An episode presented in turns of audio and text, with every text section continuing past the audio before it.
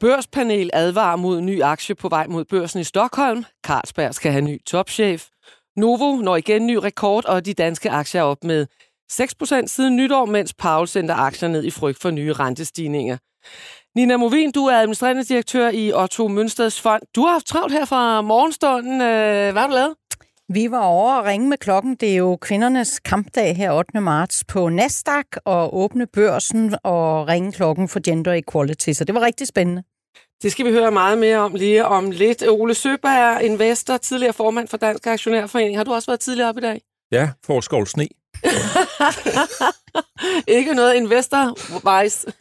Nej, så var jeg tidligere op, så lavede jeg lige noget små ting. Men... Ja, okay. Og så Simon Kirketab, du er børsens investorredaktør. Hvordan har de seneste 24 timer været? Jamen, jeg vil sige, jeg møder faktisk op her i podcasten i dag. Ret chokeret. Og det håber jeg, jeg kan få lov til at fortælle lidt mere om lige om lidt.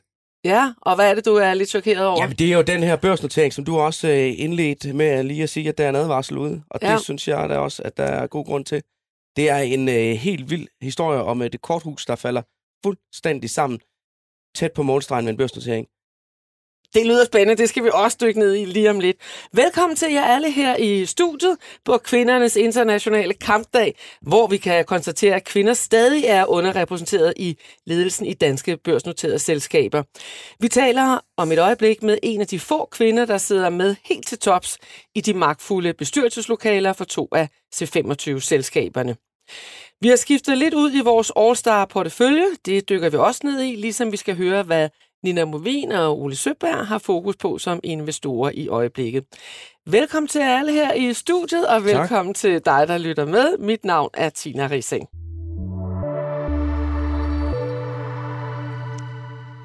To af børsens faste eksperter advarer nu direkte mod en børsnotering af et dansk selskab, der er på vej mod Spotlight-børsen i Stockholm. Børsen har afsløret, at selskabet ikke har revideret sine regnskaber og afdækket, at regnskabsværdien virker oppustet. Og Frihedsbrevet har afsløret, at stifteren af det danske selskab Mew, Armin Kavusi, har løjet om sine titler og sin baggrund. Selskabet vil hente op mod 18 millioner kroner i børsmarkedet i den kommende øh, uges tid. Men sent i aften trak en af investorerne sig fra børsnoteringen, og bestyrelsen har nu fyret stifteren som direktør. Simon, du har gravet lidt i det her. Hvad er det, der er op og ned? Jamen, jeg har gravet meget i det, og jeg har også øh, interviewet øh, den nu tidligere direktør Armin Kavushi her i forbindelse med noteringen. Og øh, det er vel lidt den der med, når noget lyder for godt til at være sandt, så er det det som regel også. Altså, jeg har egentlig lidt hele vejen i forløbet her haft den der lidt underlige fornemmelse af, at der er noget her, der ikke stemmer. Og for øh, fejnsmækkerne, de kan jo sådan gå tilbage og kigge i den artikel, vi havde, da vi foldede vores børspanel ud øh, og gennemgik casen, hvor vi ligesom skriver en ting med, at da han skal forklare, hvad han er, han er jo både forsker og har en master, og han er tidligere professionel fodboldspiller, og han har ligget nummer et på hitlisten i Canada. Så tager, så, tager, så tager vi lige det forbehold, vi skriver, at han fortæller selv, fordi vi havde sådan en underlig følelse af, det her, det strider simpelthen for meget. Det kan simpelthen næsten ikke være rigtigt. Og det viser det sig jo så også, det ikke er. Det har Frihedsbrevet rullet ud i en uh, artikel her i tirsdag med rubrikken Dansk Tech-komet afsløret få dage før børsnotering, stifter løg om doktortitel, kandidatuddannelse i neurovidenskab og udgav sig for at være forsker uden belæg. Og det er jo bare nogle af de få forhold, der er mm. kommet frem. Det viser sig jo også, at nogle af de kunder, Mew kører ud med, viser sig, at de kender dem slet ikke. Mm. Og øh, der må jeg da sige, det kan jeg da huske noget som Hazelite. Mm. Den kæmpe store svindelsag, der kom øh, for nogle år siden, det var jo det samme. Der, der var også rigtig flotte kundenavne. De kom lige pludselig at vi kender slet ikke selskabet. Og... Så det er en helt, helt, helt vild historie. Um, og hvad er der sker her i aften så? Fordi der eskalerer det jo lidt. Jamen, tirsdag aften. Der sker jo det, at øh, i går, øh, da den her historie kom ud, så er det jo ikke til at få fat i nogen fra selskabet. Og øh, vi bliver også kontaktet af, af, af Nordic IPO Fund her på børsen, øh, Jesper Vogelius fra det, der hedder Sovnfri Kapitalforvaltning, som siger, at med de forhold, der er kommet frem, så vil de simpelthen trække deres investeringstilsavn i selskabet. Og han fortæller også, om han har heller ikke kunnet komme i kontakt med nogen. Mm-hmm. Og så kommer der jo ligesom en øh, meddelelse om, at øh, Armin Kavushi, han er øh, sendt ud af selskabet. Han øh, sælger en stor del af sine aktier, og de sætter en ny direktør ind. Han er også røget ud af bestyrelsen. Og så kommer der jo en stor undskyldning fra ham i forhold til, at han har pyntet på både det ene og det andet. Og nu sidder man jo sådan lidt tilbage, jamen hvad har han så ikke pyntet på? Og noget af det centrale i den afdækning, vi har lavet af selskabet, det er jo, at i deres prospekt, der står der, at tallene er revideret af en revisor. Nu er jeg selv en baggrund som revisor, så jeg ved godt, hvordan tal de kan ændre sig, når der kommer en revisor ind over. Og der var nogle advarselslamper, der blinkede, og vores børspanel med øh, Jakob Have og Jens Løstrup her i børsen, de var også ude at sige, at det, at de ikke var revideret de her mm. regnskabstal, og selskabet selv sagde det, det gjorde, at investorer i selskabet, de skal være yderst påpasselige her. Fordi der er nogle tal i det regnskab, hvor man bare tænker, at det lyder altså godt nok oppustet. Miums forretningsmodel er jo sådan meget divers. Og en af de ting, de gør, det er, at de som konsulenthus hjælper nogle selskaber med at udvikle tech-platforme. Og så får de en ejerandel i, et, øh, i selskabet som betaling. Og der har de 7,5 millioner kroner stående i tilgodehavner, som de kan konvertere til aktier i nogle af de her selskaber. Men hvis man dykker ned i nogle af de her venture-investeringer, så ser der altså noget tyndbenet ud. Jeg kan eksempelvis nævne et selskab, der hedder Atlantis, stiftet i 2022. Ikke noget offentligt regnskab, endnu ikke øh, nogen drift, men det er værdiansat til samlet tæt på 50 millioner kroner. Der er et øh, bilvagsfirma Steam Green, det er stiftet i maj 2022. Det er værdiansat til 10,5 millioner kroner. Så er der et selskab, der hedder EasyMove. Det er en platform for motionsøvelser på arbejdspladsen. Det er værdiansat til 15 millioner kroner, trods en negativ egenkapital. Der er nogle opslamper, som, øh, mm. som, som, som lyser. Og jeg kan sige så meget, at øh, det vælter ind med tip på den sag her. Altså, folk er jo virkelig chokeret ude i marken. Mm. Men hvordan kan det lade sig gøre, at, øh, at, at man sidder og, med nogle regnskaber, som ikke er revideret, og så alligevel været på vej mod en øh, børsnotering? Jamen, det er da også helt utroligt. Jeg har da heller aldrig nogensinde set en børsnotering, der går i, i markedet med urevideret regnskabstal før. Og der står så faktisk i deres prospekt, der skulle være kommet en year-end report for 2022 her den 28. februar. Den har vi ikke set endnu. Så det, man jo sidder og tænker nu, det er, hvordan kommer de tal i det regnskab til at se ud, når der har været en revisor indover. Og et af de argumenter, de har brugt for at sælge sig til investorer, det er jo den her enormt flotte vækst, de har haft, hvor at øh, deres salg fra 2021 og 2022, den er gået fra 7,5 millioner til 20,2 millioner kroner. Hvis de salgstal heller ikke passer, og de så samtidig skal nedskrive på nogle af de der til godehavner, så kommer der jo kæmpe hul i jorden her. Og så kan jeg hilse at sige, så er egenkapitalen altså væk. Mm. Lad os lige høre øh, Nina øh, Movin. Øh, altså, når, jeg, når, når, når Simon fortæller den her historie, så, er det jo, så tænker jeg jo straks, at det her det minder jo om starten på den her Terrano-sag, hvor Elizabeth Holmes hun skaffer millioner i markedet og siden bliver dømt for svindel. Øh, her er vi på vej med en børsnotering af en hjernescanner her. Øh, I det her tilfælde, hun var på vej, øh, eller hun havde jo opfundet en såkaldt blodscanner. Hvad, hvad, hvad tænker du om den her sag? Jeg tænker, det er godt, at det er kommet frem, inden den kom på børsen, og der er super operationel øh, risiko. Alene det, at CV'et ikke passer, det, det er jo en af de ting, man oftest øh, kontrollerer hos folk, det er, at deres CV rent faktisk passer. For ellers så tænker man, så kan der være andre ting, og her er der jo utrolig mange andre ting. Men ja, du har ret, Elisabeth Holmes, hun fik 11 år, hun øh, rejste rigtig mange penge, hun var rigtig overbevisende. Jeg tror ikke, det var CV'et, hun, hun øh, så meget. Det var mere selve produktet kom jo aldrig til at virke, og det var jo forfærdeligt, at det ikke blev offentligt meget, meget før. Mm, altså, det blev yeah. jo en kæmpe skandale, og de svindlede jo, de to folks blodprøver hjem et andet sted, og så brugte de Siemens mm. eller nogen andre. Altså, det, det, var, det havde så mange dårligheder i sig, også i forhold til de patienter og sådan noget. De skulle hurtigt kunne tage en blodprøve og sige, hvad du fejlede. Så, så den, er, den er mere græld, men, men ja, du har ret. Bad Blood-bogen, det er en fantastisk læsning. jeg kan lige komme med en detalje, hvor jeg må sige, det jo, virker jo himmelråbende her bagefter, men nogle gange, når man har lavet et interview, så aftaler man jo med kilden, at man sender citater til det, der hedder faktatjek.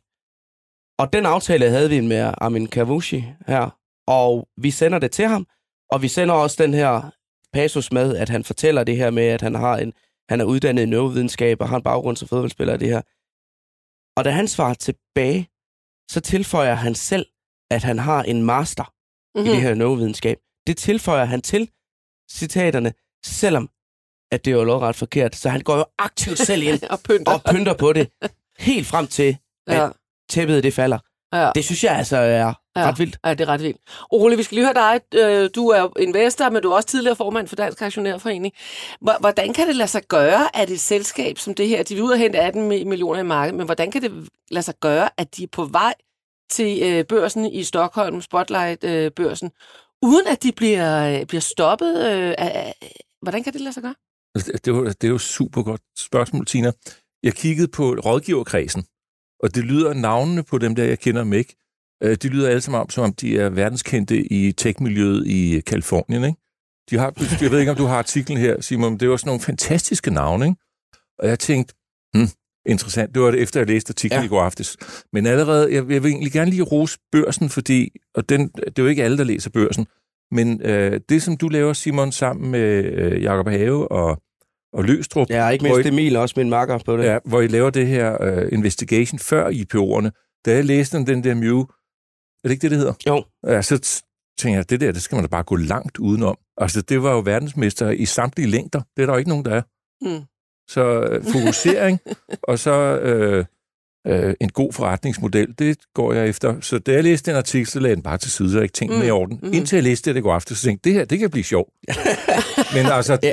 desværre så er historien jo fyldt med sådan nogle der. Os, øh, Nina og jeg, vi har jo været længe nok til, at vi kan huske, at gammel, gammel dansk, da Silver Solarum gik på børsen i 1986. Og hvor lang tid var den børsnoteret, før det var væk? Kort tid. Ja, vi tæller under et halvt år. Ja, par måneder. Pist væk. Ja.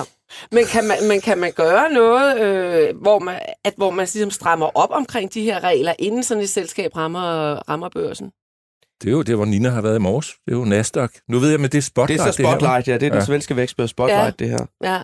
Hvad, hvad tænker du, Nina? Er der, kan man, Jamen, altså, Nasdaq tjekker jo faktisk ret grundigt, men det er klart, at det er jo altid sådan en skisma mellem, man vil gerne have selskaberne meget tidligt ind, og så lemper man lidt, og så vil man samtidig også gerne have, at de alligevel er kontrolleret. Så det er sådan en, øh, det er sådan en, en balancegang, men øh, Nasdaq tjekker jo.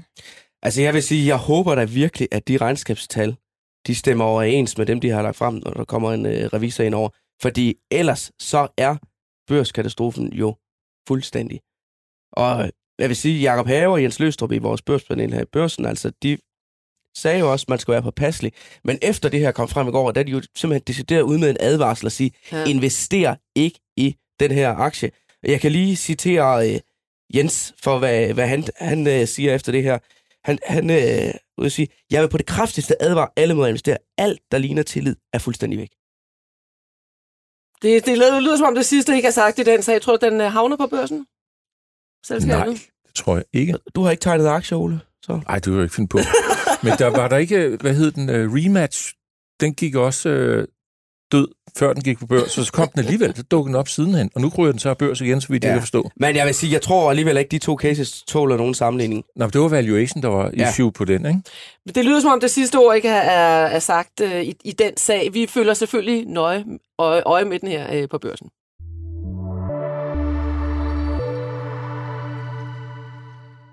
FL Smith er en af de aktier, der har klaret sig rigtig godt siden nytår og er steget med næsten 9 procent i år og mere end 62 procent på det seneste år. Helt så kraftig stigning ser vi ikke, når det gælder andelen af kvinder i bestyrelserne for de børsnoterede selskaber herhjemme.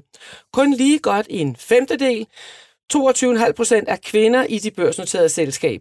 Anne-Louise Eberhardt, du er i bestyrelsen hos øh, FL Schmidt, og derudover sidder du også i bestyrelsen hos Bavarian Nordic. Du er formand for Finansiel Stabilitet og i bestyrelsen af en række andre selskaber. Du har jo skabt dig en øh, forrygende bestyrelseskarriere som en af de få kvinder herhjemme. Hvorfor tror du, at kvinder kun udgør godt en øh, femtedel i bestyrelserne? Og først vil jeg sige tak for invitationen. Øhm, øh, og, så, og så vil jeg også sige, at det spørgsmål har jeg meget, meget svært ved at svare på sådan, sådan med, med, med en løsning. Øhm, altså, jeg tror, hvis, man, hvis jeg lige må have lov at starte med sådan lidt det, det formålsdrevne, så vil jeg sige, at der heldigvis er rigtig mange virksomheder og ledere, der gør det rigtig godt på diversitet, og kønsdiversitet og inklusion. Øhm, men, men, men med den stigende volatilitet, vi har i verden omkring os, så stilles der endnu større krav om agile virksomheder og mere innovation, og, og dermed også større krav til bestyrelserne. Bestyrelsen skal jo sammen med ledelsen skabe værdi for virksomheden, og det skal vi både, kan man sige, på det korte sigt, men også på det lange sigt. Øhm, og vi skal skabe det bedste, kan man sige, beslutningsrum. Og, og det er jo ikke kun faglige kompetencer, men også evnen til at samarbejde. Vi skal kunne se det næste trendskifte, vi skal kunne agere. Og det hænger jo løst sammen med diversiteten. Øhm, og når vi har høj beskæftigelse og vigtigheden af som virksomhed kunne tiltrække og udvikle og fastholde selvfølgelig også talent, så er det jo besynderligt, hvis vi vælger at se bort fra halvdelen af vores talentmasse. Øh, og sådan helt uforståeligt i virkeligheden. Og, og, øh, og, og så kan man så sige, fint, hvad gør vi så ved det her? Øh, fordi som du startede, øh, Tina, så, så er statistikken jo ikke særlig køn. Vi kan godt lide at se os selv progressive i Danmark, men når det gælder det her punkt, så er jeg ikke helt sikker på, at vi er det. Øhm, hvis man skal være lidt mere løsningsorienteret, øhm, så tror jeg, vi skal starte med at se kønsdiversitetsdebatten som sådan en form for isbjerg. Øhm, over vandet, så har vi alle de synlige ting, øhm, lovgivning, kvoter, ligedelte barsel, løngaps osv. Og under vandet, så har vi alt det svære, det vi sejler ind i, hvis ikke vi passer på, det er bias og alt sådan ting. Og, øhm, og hvis jeg skal pege på noget af det, som, som jeg oplever i alt det her lidt svære, øhm, så, så, så tror jeg, vi kan gøre rigtig meget ved at kigge på, på et begreb, som hedder gender intelligence. Jeg tror, det er en amerikansk kvinde, der hedder Barbara Annis, der, der, der ligesom har skabt det her. Det handler jo om, at, at løsningen ikke er at fjerne forskellene mellem mænd og kvinder og kvinder. Og kvinder skal jo ikke ligne mændene, men vi skal i stedet for lære, hvordan vi identificerer, udnytter og sætter pris på de her forskelle, vi har. Øhm, og, og så er der en, en, en, øhm, en mængde andre ting. Og, og spørgsmålet kom derhen til, det tror jeg kun vi gør, hvis vi vender os til at arbejde sammen på kryds og tværs. Øhm, og det er jo ikke kun mænd og kvinder, det er jo også alle andre diversitetsformer. Øhm, men jeg tror på en eller anden vis, jeg har været meget imod øh, kvoter, men jeg må indrømme, at jeg er blevet lidt mere øh, blød, og, og tror faktisk, at vi på en eller anden vis er nødt til at, at, at, at være meget kontante i vores vej fremad, øh, så vi kan vende os til at arbejde sammen øh, blandt både mænd og kvinder, så det ikke bliver noget mærkeligt noget. Øhm, og, og jeg er også rigtig glad for at se den nye tilpasning til årsregnskabslovens øh, paragraf 99b her, øhm, som, som, øh, som jo træder i kraft nu. Det pudsige er bare, at vi har haft den lov siden december 12. Og det er faktisk et af de punkter, som Erhvervsstyrelsen meget bekendt ikke har fulgt op på. I hvert fald har der ikke været helt samme sanktioner, som vi ser på brud med andre øh, regler i, i årsregnskabsloven. Så, så, og så tror jeg, at der er en politisk opgave. Vi skal simpelthen gøre det nemmere for at få pasningstilbud. Øh, vi skal ikke passe vores børn mere, men måske mere fleksibelt. Og så skal der mm. måske være udgift, øh, fradrag udgifter for, for hjælp til børnefamilierne. Øh, Anne, nu har du, nu, nu, Anne, nu har du selv, ja. ja, nu har du selv jo en, øh, en række bestyrelsesposter, blandt andet i to af de store uh, C25-selskaber, ja. Bavarian og FL Schmidt. Mm. Har det været svært for dig som kvinde at få de poster? Øhm, jeg ved ikke, om det har været svært for mig som kvinde. Øhm, altså, jeg, jeg vil sige, at bestyrelsesposterne er ikke kommet sådan ind som stigte duer. Øhm, øh, det, det må jeg da være ærlig at sige. Jeg har da også skulle arbejde øh, for det og gøre mig relevant for de bestyrelser og fortælle, hvordan jeg kunne skabe værdi i de pågældende bestyrelser. Øhm, så, så, øh, så, så, så det har ikke været nemt, nej. Øhm, nej. Jeg, jeg, har, jeg, har, jeg er jo vokset op i, i Danske Bank, hvor jeg har tilbragt 30 år, og jeg har jo været en af de meget få kvinder, øhm, og øh, der sidder en anden i studiet også. Øhm, og øhm, og, øh, og jeg, jeg, jeg har aldrig tænkt over det. I mange, mange år tænkte jeg ikke over det. Og jeg tror nogle gange, så gør vi det der med at blive til leder til noget meget stort. Øhm, der var ikke nogen, da jeg blev kontorchef som 26-årig, der sagde til mig, om jeg ville have gøre karriere og om at sætte skræmmekampagner op for mig, for eksempel. Så, så jeg tror på en eller anden vis, at, at, øh, at vi nogle gange kan gøre ting ved bare at gøre dem øhm, og, og så prøve at lade være at, at fokusere på, at, at det skal være svært. Nu, nu skal vi lige høre dig, Anne, der i, i C25-indekset, så mm. er der jo kun øh, kvinder i uh, tre af selskaberne, nemlig Lundbæk, altså som CEOs, mm. Lundbæk, Ambu og, og GN. Ja. Øh, nu kommer der et meget ledende spørgsmål. Hvad mm. betyder det for virksomhederne og, og, og for aktionærerne, at diversiteten ikke er større i toppen af de børsnoterede selskaber? øhm, ja, jeg tror, en divers bestyrelse og ledelse træffer bedre beslutninger, og det viser alt forskning jo. Så, øhm, og jeg tror, vi skal passe på, at vi ikke øh, putter kvinders kompetencer på en anden vægt end, end mændene. Øhm, øh, når man kigger på mænd, så tager vi for givet, de kan. Når man kigger på kvinder, så skal man tikke lidt flere bokse, tror jeg faktisk. Øhm, og, øh, og udvalgelsesprocessen er jo også noget, som, som det nye EU-direktiv kigger på. Så, så jeg tror faktisk, at øh, en, en dynamik i et bestyrelseslokale og i en ledelse øh, fungerer bedre. Kemien fungerer bedre. Du får bedre åbne diskussioner, hvis du har diversitet. Øh, for det betyder også, at man kan fagne inklusion. Øhm, så derfor tror jeg faktisk, at en bestyrelse bestående af, af ene industrinative øh, personer øh, med helt samme baggrund og sådan noget, jeg, jeg tror ikke nødvendigvis, det er den øh, bestyrelse, der træffer de bedste beslutninger for virksomheden. Og så skal bestyrelsen jo være et, kan man sige, en rådgiver for ledelsen også, og være en samarbejdspartner for ledelsen. Og det gør man jo ikke bedst, hvis alle har samme baggrund, og alle er enige om alting. Nu skal vi lige, øh, nu har vi jo øh, Nina her i studiet, som har været nede og ringe på, med klokken nede øh, på, på ja, Nasdaq. Nina, Øh, Nina, vi skal lige høre dig. Er du enig med, med de ting, øh, Anne siger? Øh, hvordan tror du, vi kan få flere kvinder Jeg er rigtig, rigtig enig, og, og hun peger jo på, Anne peger på det helt rigtige, og det kommer også frem, der er jo lavet masser af undersøgelser op til den her øh, dag, 8. marts, og i England, der har de lavet en undersøgelse om, hvordan er det gået, og der er kommet mange kvinder i bestyrelsen, men der er ikke kommet særlig mange på CEO og så videre. Og der peger de på præcis det, Anne også er inde på der.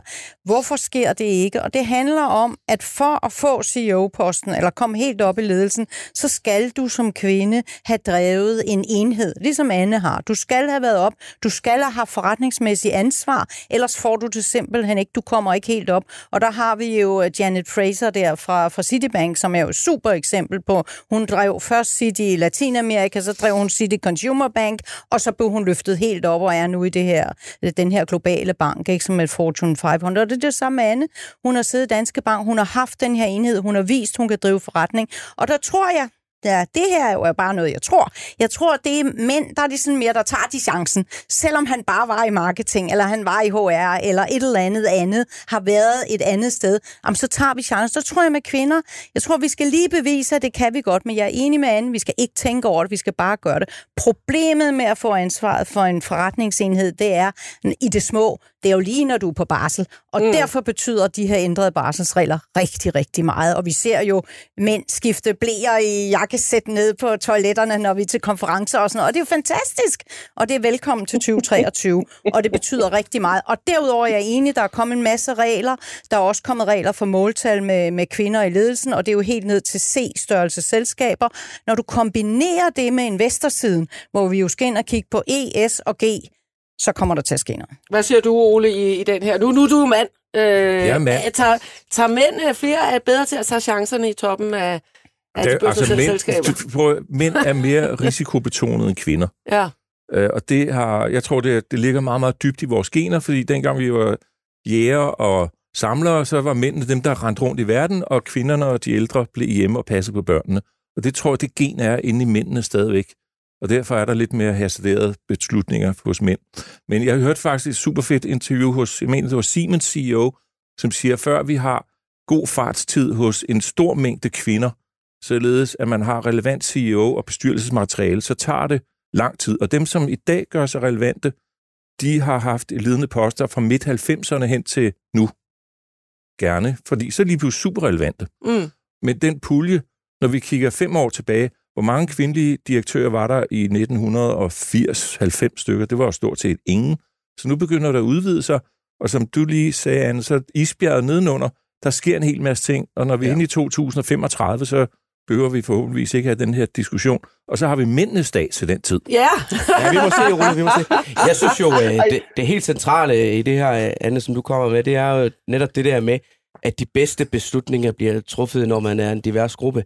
Og det gælder jo ikke bare i bestyrelsen, det gælder jo hele vejen ned igennem en virksomhed. Og jeg kan da hilse at sige, at i forhold til kildevalg og sådan noget her i børsen, det er også noget, vi arbejder meget med. Ja, det skal og vi lave, også bedre til. lave et, et diversificeret udvalg af kilder. Ja. Men jeg kan så også sige, at inden for investorområdet her, det er ikke altid lige nemt. Nej. Fordi der er godt nok en overvægt ude i marken af, af mandlige aktiechefer og mandlige porteføljemanager, så, øh, så der har vi da en opgave også. Altså, øh, vi skal jo nok gøre, hvad vi kan for at, at udvælge kilder bredt, men den der population, vi vælger dem ud af, der kunne vi godt bruge nogle flere. Ja, det kunne vi godt, og det, det må I gerne se videre, det må du også gerne se videre, Anne. Øh, om lidt, så skal, vi, om lidt, så skal vi tale øh, om nogle aktier, og Anne, inden vi slipper dig, så er det her jo en investor-podcast. Men lad mig lige høre her til sidst, øh, hvor meget investerer du, der, du selv, og, og hvad interesserer du dig for øh, investeringsmæssigt? Nu ligger en, stor del af min opsparing i min pension, som jo øh, i sagens natur ligger i, i, i børsnoterede aktier og obligationer. Så derfor bruger jeg faktisk en del af min tid på at investere lidt mere skævt, måske lidt af det unoterede miljø også. øhm, og, og øh, bruge lidt tid på, på startup-miljøet og sådan noget. Så, så, øhm, så, så det, og det synes jeg faktisk er vældig sjovt.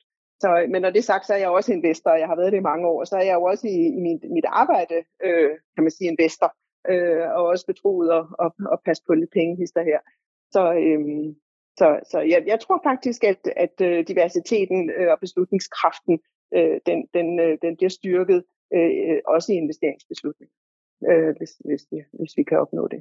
Tak skal du have, Anne-Louise Eberhardt, fordi du var med her i vores Investor-podcast. Og tak for at I inviterede mig. Nu er det blevet tid til, at vi skal have mændene lidt på banen. Nu kigger jeg på oh, dig, man. Ole. Du har for nylig været på en to-dages energikonference i Oslo, hvor 1600 selskaber fik lov... Nej, 1600 deltagere. 1600 deltagere. Ah, okay. 1600 deltagere var der. Og kan man sige, det var sådan en slags uh, speed dating, uh, du var på? Ja, der er... Jeg har ikke talt på dem. Jeg skrev faktisk alle selskaber ned, som var børsnoteret og det var omkring 60, og så var der yderligere de ikke børsnoterede, og det kører i flere spor samtidig. Så det er en slags speed dating af de helt store. Og hvad fik du ud af det som investor? Jamen ja, det er 12 år i træk, jeg er der. Og den var rundt, så kan jeg prøve at sammenligne lidt med, hvad der er sket tidligere. Og den stemning, der var i år, den er mega bullish. Altså, de er meget optimistiske. Og det kan de så desværre takke Putin for, og den russiske adfærd i Ukraine, hvor vi er i gang med at at fjerne al energitilførsel, og det er både renewable og fossil brændstoffer. Mm. Vi skal væk fra alt det russiske, og så ligger Norge altså lige til højre benet, som kæmpe oliefelter og enormt store muligheder for at lave flydende vindparker, plus de har altså hydrokraft, som er kun marginalt udnyttet. Det er der så mange problemer med at skulle udnytte det yderligere, fordi folk vil ikke have en dæmning nede i baghaven af god grund. Øh, men der er nogle energiressourcer, som gør, at Norge altså er ekstremt godt positioneret de næste 30-40 år på det europæiske energikontinent. Men, men var der nogle af de her 60 selskaber, som du blev forelsket i, som øh, du vil kaste øh, dine penge efter? Man skal aldrig blive forelsket i en aktie, det er dummeste, man gør. Men øh, det er, der er et par stykker, som jeg er i fuld fart med at øh, arbejde mig op på, og det er specielt inden for, for grænsefelt, hvor du tager faktisk øh, fornybar energi, du kan også tage gas og bruge det til det. Så laver du elektrolyse, og så laver du ammoniak, som har et ret højt energiindhold. I husker den her øh, tankbåd, eller der var noget ammoniak, der lå nede i havnen i Beirut, der eksploderede. Det har ret højt energiniveau. Mm-hmm. Men det kan du faktisk, øh, den vej rundt kan du transportere fornybar energi fra Nordnorge, vindparker og vandkraft derop til Tyskland. Som ammoniak, så bliver det omdannet til hydrogen, og så den anden vej, så lader man så carbon capture, og så pumper den ned i olielommerne ude i Nordsøen, i stedet for de her mudder og guava sammen.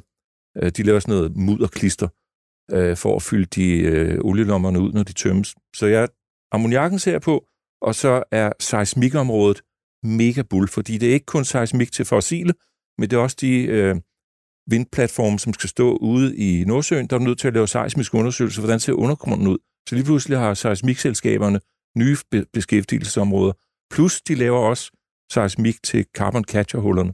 Men den her bullish-stemning, som, øh, som du taler om, der var, var der oppe, ja. er det en, der er ved at blive sendt ned nu på grund af, at, øh, at Paul han var ude her i aften og sige, at Nej, måske renterne kommer til at stille lidt Nej, men en ting, en ting er, hvordan renteniveauer er, det kan reducere aktivitetsniveauerne sådan generelt set. Men øh, på energiområdet, der er der en kæmpe bevægelse væk fra fossile generelt set, og så er der en bevægelse over mod fornybar, mm. og det er den største investering nogensinde i menneskehedens historie. Mm, mm. Og den standser altså ikke, fordi Paul siger, at renten skal op med en kvart mm, procent. Mm, mm. Er det også noget, du holder øje med, Nina? Helt sikkert. Og ja. jeg, jeg er meget, meget enig. Det er jo en kæmpe bevægelse over i øh, grøn energi, med, med alt det, det fører med sig. Vi har jo også tidligere her i programmet også øh, talt om øh, altså råstofferne, hvad er det, ja. vi skal bruge, og er der nok, og investorerne bliver jo Der er ikke nok miner i øjeblikket i hvert fald Nej, til det, at udvinde det, det, der skal til. Det. Nu er vi bare ved, ja. ved FLS, ja. ikke? så jeg er 100% enig. Ja. Lad os komme hjem igen til et af de store danske selskaber, NKT. NKT har fået den største ordre nogensinde til en værdi af 15 milliarder øh, fra Holland. NKT skal levere 1700 km højspændingskabler til den hollandske del af Nordsøen. Vi bliver lidt ude i, i havet. Aktien steg lidt på nyheden øh, på dagen, og er det, men er det seneste år stedet 40 procent. Øh, Nina, hvad er dit syn på, på NKT? Oh, det ved jeg, det er en af dine favoritter, Nina. det, er, det er godt, så kan jeg svare. Da vi, da vi lavede det her Investor Meetup, øh, hvor I skulle have en aktiecase med, altså, Der kan huske, der havde du den med. Ja, vi har Så stadigvæk meget Jeg er spændt positivt. på en opdatering.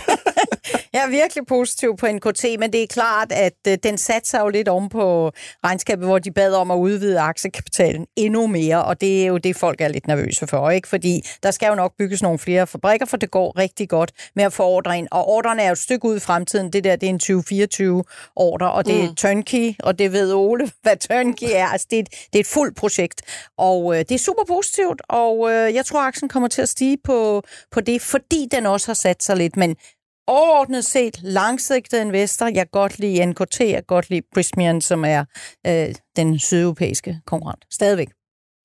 Og så har vi det øh, tyske flyselskab Lufthansa, som jo øh, for nylig fløj i vejret med en øh, stigning på 6% øh, i Frankfurt, efter melding om gode forventninger til året. Nina, det er også en aktie, som du har kigget på. Hvad, hvad er der at sige om den? Jeg kan godt lide øh, luftfartsbranchen og kigge på den. Jeg er Okay. ikke meget investeret i den. Jeg er en lille smule, men det er meget lidt, og det, jeg synes jo, det har været meget, det er en meget farlig branche. Ikke? Det, der er både noget med råvarer, der er alle mulige ting. Men Lufthansa-regnskabet var super godt, og når man går ind og lytter, så kan man jo sige, at det er stort set på alle parametre. Altså, de kom for at tabe rigtig mange penge, til nu at komme med et øh, positivt resultat. Og hvorfor det? Ja, det er, fordi vi alle sammen ud at rejse, og det er derfor, jeg synes, branchen er spændende. Det er for at se, hvordan går det med normaliseringen efter ja. covid. Ja. Ja. Mm. Og det hører man allerede. American Airlines var ude at sige det nu, de er ude at sige det. Og så hoster det stadigvæk en lille smule på forretningsrejseområdet, og der siger CEO'en jo, Carsten der, så siger han, Ja, men altså, det er bare fordi folk er først lige ved at finde ud af alle de der teamsmøder. Det dur ikke, når du skal ud og møde kunder. Men altså, summa summarum er, det er mere fritidsrejser, end det er øh, forretningsrejser. Og samtidig har de teknik, altså det at vedligeholde flyene, der er de på udkig efter en øh, partner, der også kan hjælpe dem med forskellige andre ting. Det går rigtig, rigtig godt. Det var svært for dem at finde et område, hvor det ikke gik godt nu. Og det vil sige, at de har jo haft kæmpe gældsproblemer, de har fået hjælp i 2021, de har været i en stor krise, kan man sige, og nu er tallene positive igen. Derfor er den sjov. Men hvor længe var det så? Ja, det altså, er jo det gode Jeg kan jo spørgsmål. godt lide, at du siger, at det er en farlig branche. Ja. Fordi luftfart, det er der for alvor noget, hvor man kan brænde alderne på over tid. Mm. Altså, jeg kan jo godt lide det her øh, mindset omkring øh, luftfart med, at, øh, at det er det er fagforeningerne, der sætter løn til kabinepersonalet og kaptajnerne. Det er øh, lufthavne, der bestemmer, hvad det skal koste at starte og lande. Det er øh, flyproducenterne, der sætter prisen på fly. Det er lavprisselskaberne, der sætter overliggeren for billetpriserne. Og det er øh, de olieproducerende lande, der sætter prisen på brændstof. Og hvor meget indtjening er der så tilbage til luftfartsselskaberne? Det er jo ofte meget, meget lidt. Og det er jo egentlig, som jeg ser det, egentlig kernen i hele problemstillingen i forhold til at investere i luftfart. At pricing power, den er bare ikke særlig god. Jamen, jeg er meget enig. Og dermed grund til, at du skal holde øje med branchen, og også mm, hvor jeg ser Lufthansa som en af de bedre aktier i den branche, det er for at se, hvordan går det med forbrugerne, Ja. og hvordan er vi ved at blive normaliseret efter covid, for jeg er fuldstændig enig i din overordnede betragtning på branchen, og SAS er jo heller ikke godt kørende, vel? Finder jeg måske lidt bedre, men jeg er meget enig. Så, men jeg holder øje med den branche. Men det er vel en aktietype, hvis man skal ligge i den, så skal man være en trader-type, som ligesom flyver med op, når kurserne kører op, og så være klar til at stå af.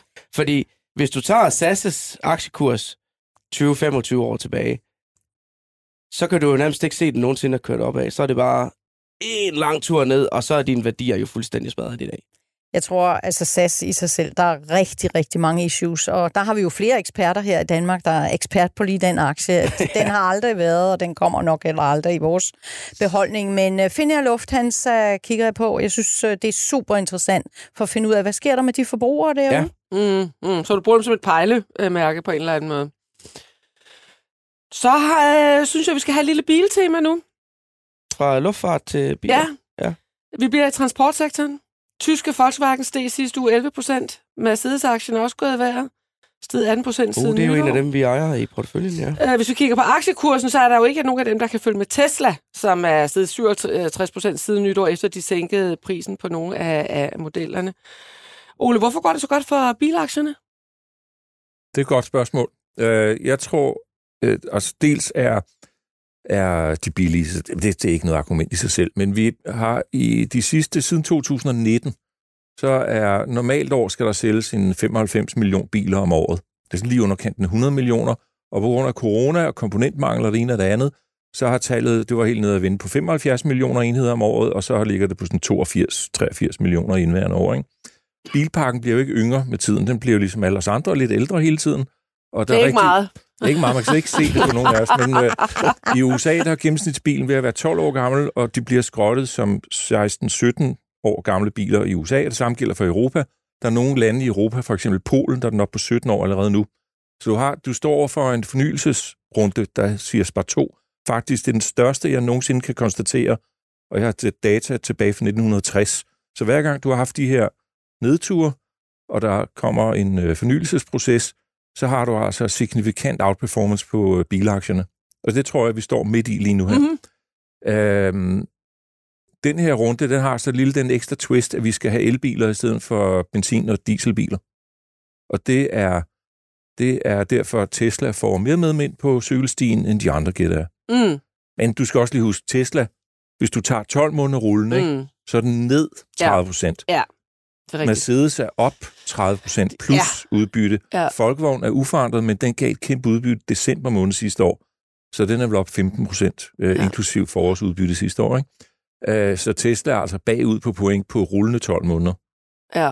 Og vi Øh. har jo øh, Mercedes i øh, porteføljen. Øh, Så længe det var. Så længe det var. Nå, okay. øh, der er lidt øh, spænding der. Øh, den skal måske... Øh, Jeg ved ikke, hvor spændende. Kæmpe spænding. Men vi kan godt lave lidt spænding ud af det. Okay, men det kan vi lige vende tilbage til. Lad os lige høre dig, øh, Nina. Volkswagen. Kan du lide den? Ja, jeg synes, altså jeg prøver ikke så meget om den sektor, og jeg synes, og det er simpelthen strukturelt, der sker bare så meget, øh, og elbiler og Tesla har, har sat priserne ned, og, men jeg synes, det var et meget stærkt regnskab, og jeg synes, øh, det er jo dem med ID3 og ID4 og alt det der, her kigger jeg over på Ole, for jeg er ikke bilekspert, jeg synes, det er nogle gode biler, jeg tror, de er, og der, kom, der er jo også noget tilskud af den ene og den anden øh, karakter, ikke, fra, det ser vi jo her i Danmark, ikke, så jo jo, det er, at de, der er derude, så er den rigtig, den er rigtig spændende. Er det en, du vil købe op i? Nope. Okay. Skal vi, øh, skal vi gå øh, direkte til øh, vores øh, portefølje? Jamen, det kan vi da godt. Så lad os få en lille jingle på. Fordi det lyder jo lidt spændende, det her, øh, Ole, som du lige antydede, at der måske var lidt øh, udskiftning øh, på vej. Er det Ja, Mercedes? Jeg har, øh, som I måske husker, så var triggeren i Mercedes, det var, at Porsche skulle gå på børs.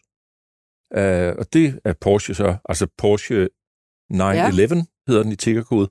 Øh, den er gået på børs, og det har været en fantastisk rejse. Så vidt jeg husker, startede den på 82, nu ligger den 114-15 stykker. Ikke? Øh, og Mercedes har faktisk fulgt med op på det her. Men den, der hedder Porsche Holding, som ejer 25 procent af Porsche, og de ejer jo også 32 procent af Volkswagen, den koster 9 milliarder euro for holdingselskabet. Og de har en øh, lille milliard euro i cash, det vil sige, at du giver 8 milliarder kroner for det her. Ikke?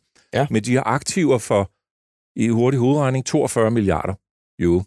Og det, i den periode, hvor Porsche var på børs, der er Porsche Holding faldet. Mm. Og det fatter jeg, jeg kan godt, der er nogen, der laver en tradingfejl, det kan jo ske, ikke? men det kan ikke retfærdiggøre sådan en kursændring der. Så jeg vil bytte Mercedes ud med Porsche Holding, så det kan Simon eksekvere Ja, efter det må vi udsendelsen øh, lige have fikset. Jeg må jo indrømme, at øh, hvordan porteføljen den der ser ud, det kommer lidt som en overraskelse for mig i dag, fordi jeg har siddet begravet i det her Mew indtil øh, klokken meget sent i går aftes, og også her til morgen. Så til min store skuffelse her, kan jeg så åbne depotet og se, at vi taber næsten 5.000 kroner i dag.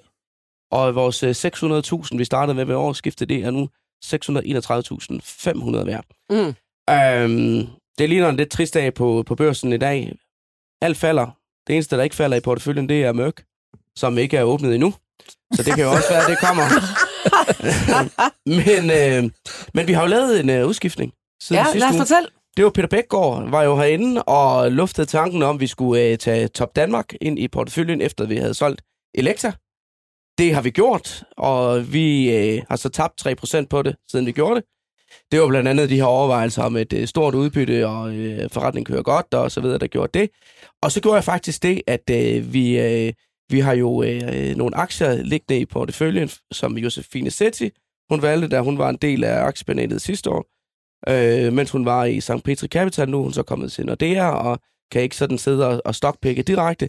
Men der havde vi blandt andet Hello Fresh, og den kørte øh, rigtig godt i starten af året. Så der har jeg sådan uh, siddet og spillet lidt på, at vi skulle indhente lidt af tabet, fordi den havde vi været helt nede med 45 procent på.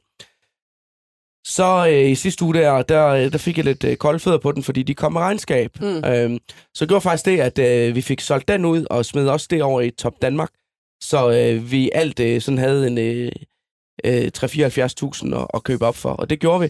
Og det vil jeg faktisk lige rose mig selv for, fordi Hello Fresh, de kom med et uh, rigtig skuffende regnskab her den anden dag, og det sendte aktien ret kraftigt nedad.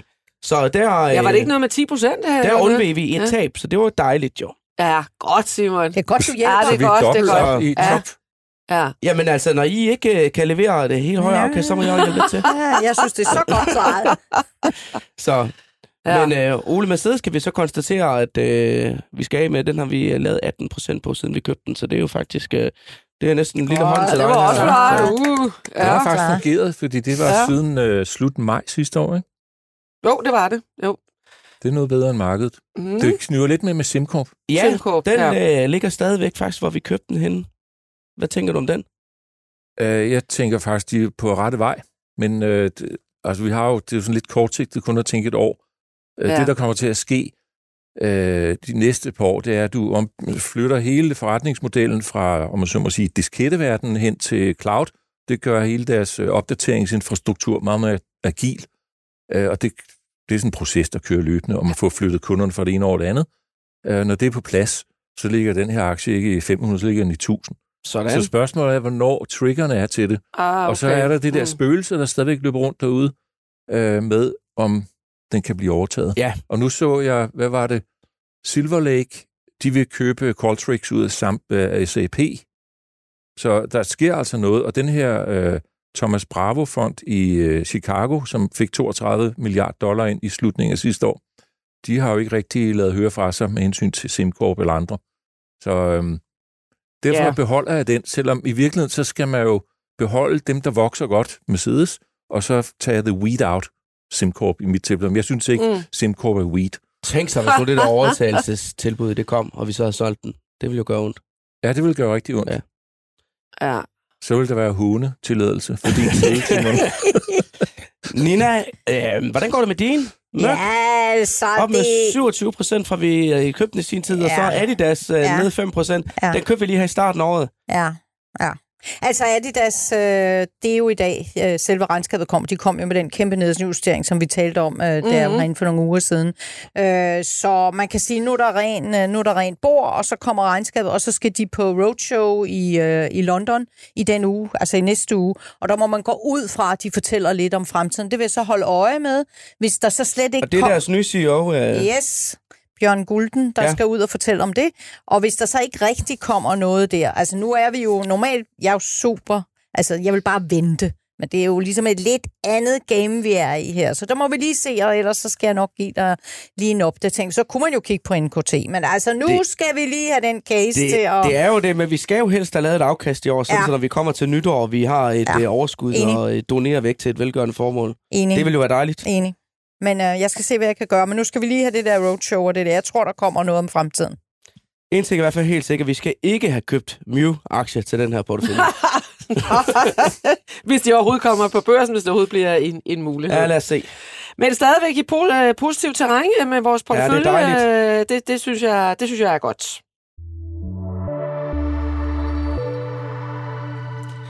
Nu skal vi til at afslutte podcasten for denne omgang. Det har været en, en god omgang, hvor vi har været hele vejen rundt, kan man sige. Både fra Mew til kvindernes kampdag og til forskellige bud på, på aktier. I studiet i dag Nina Movin, administrerende direktør i Otto Møn- Mønsters Fond, investor Ole Søberg samt børsens investorredaktør Simon Kirketerp. Næste onsdag medvirker Britt Melby, topchef i Ambu, samt vores All-Star-panel. Mie H. Christensen stod for teknikken i dag. Mit navn er Tina Rising.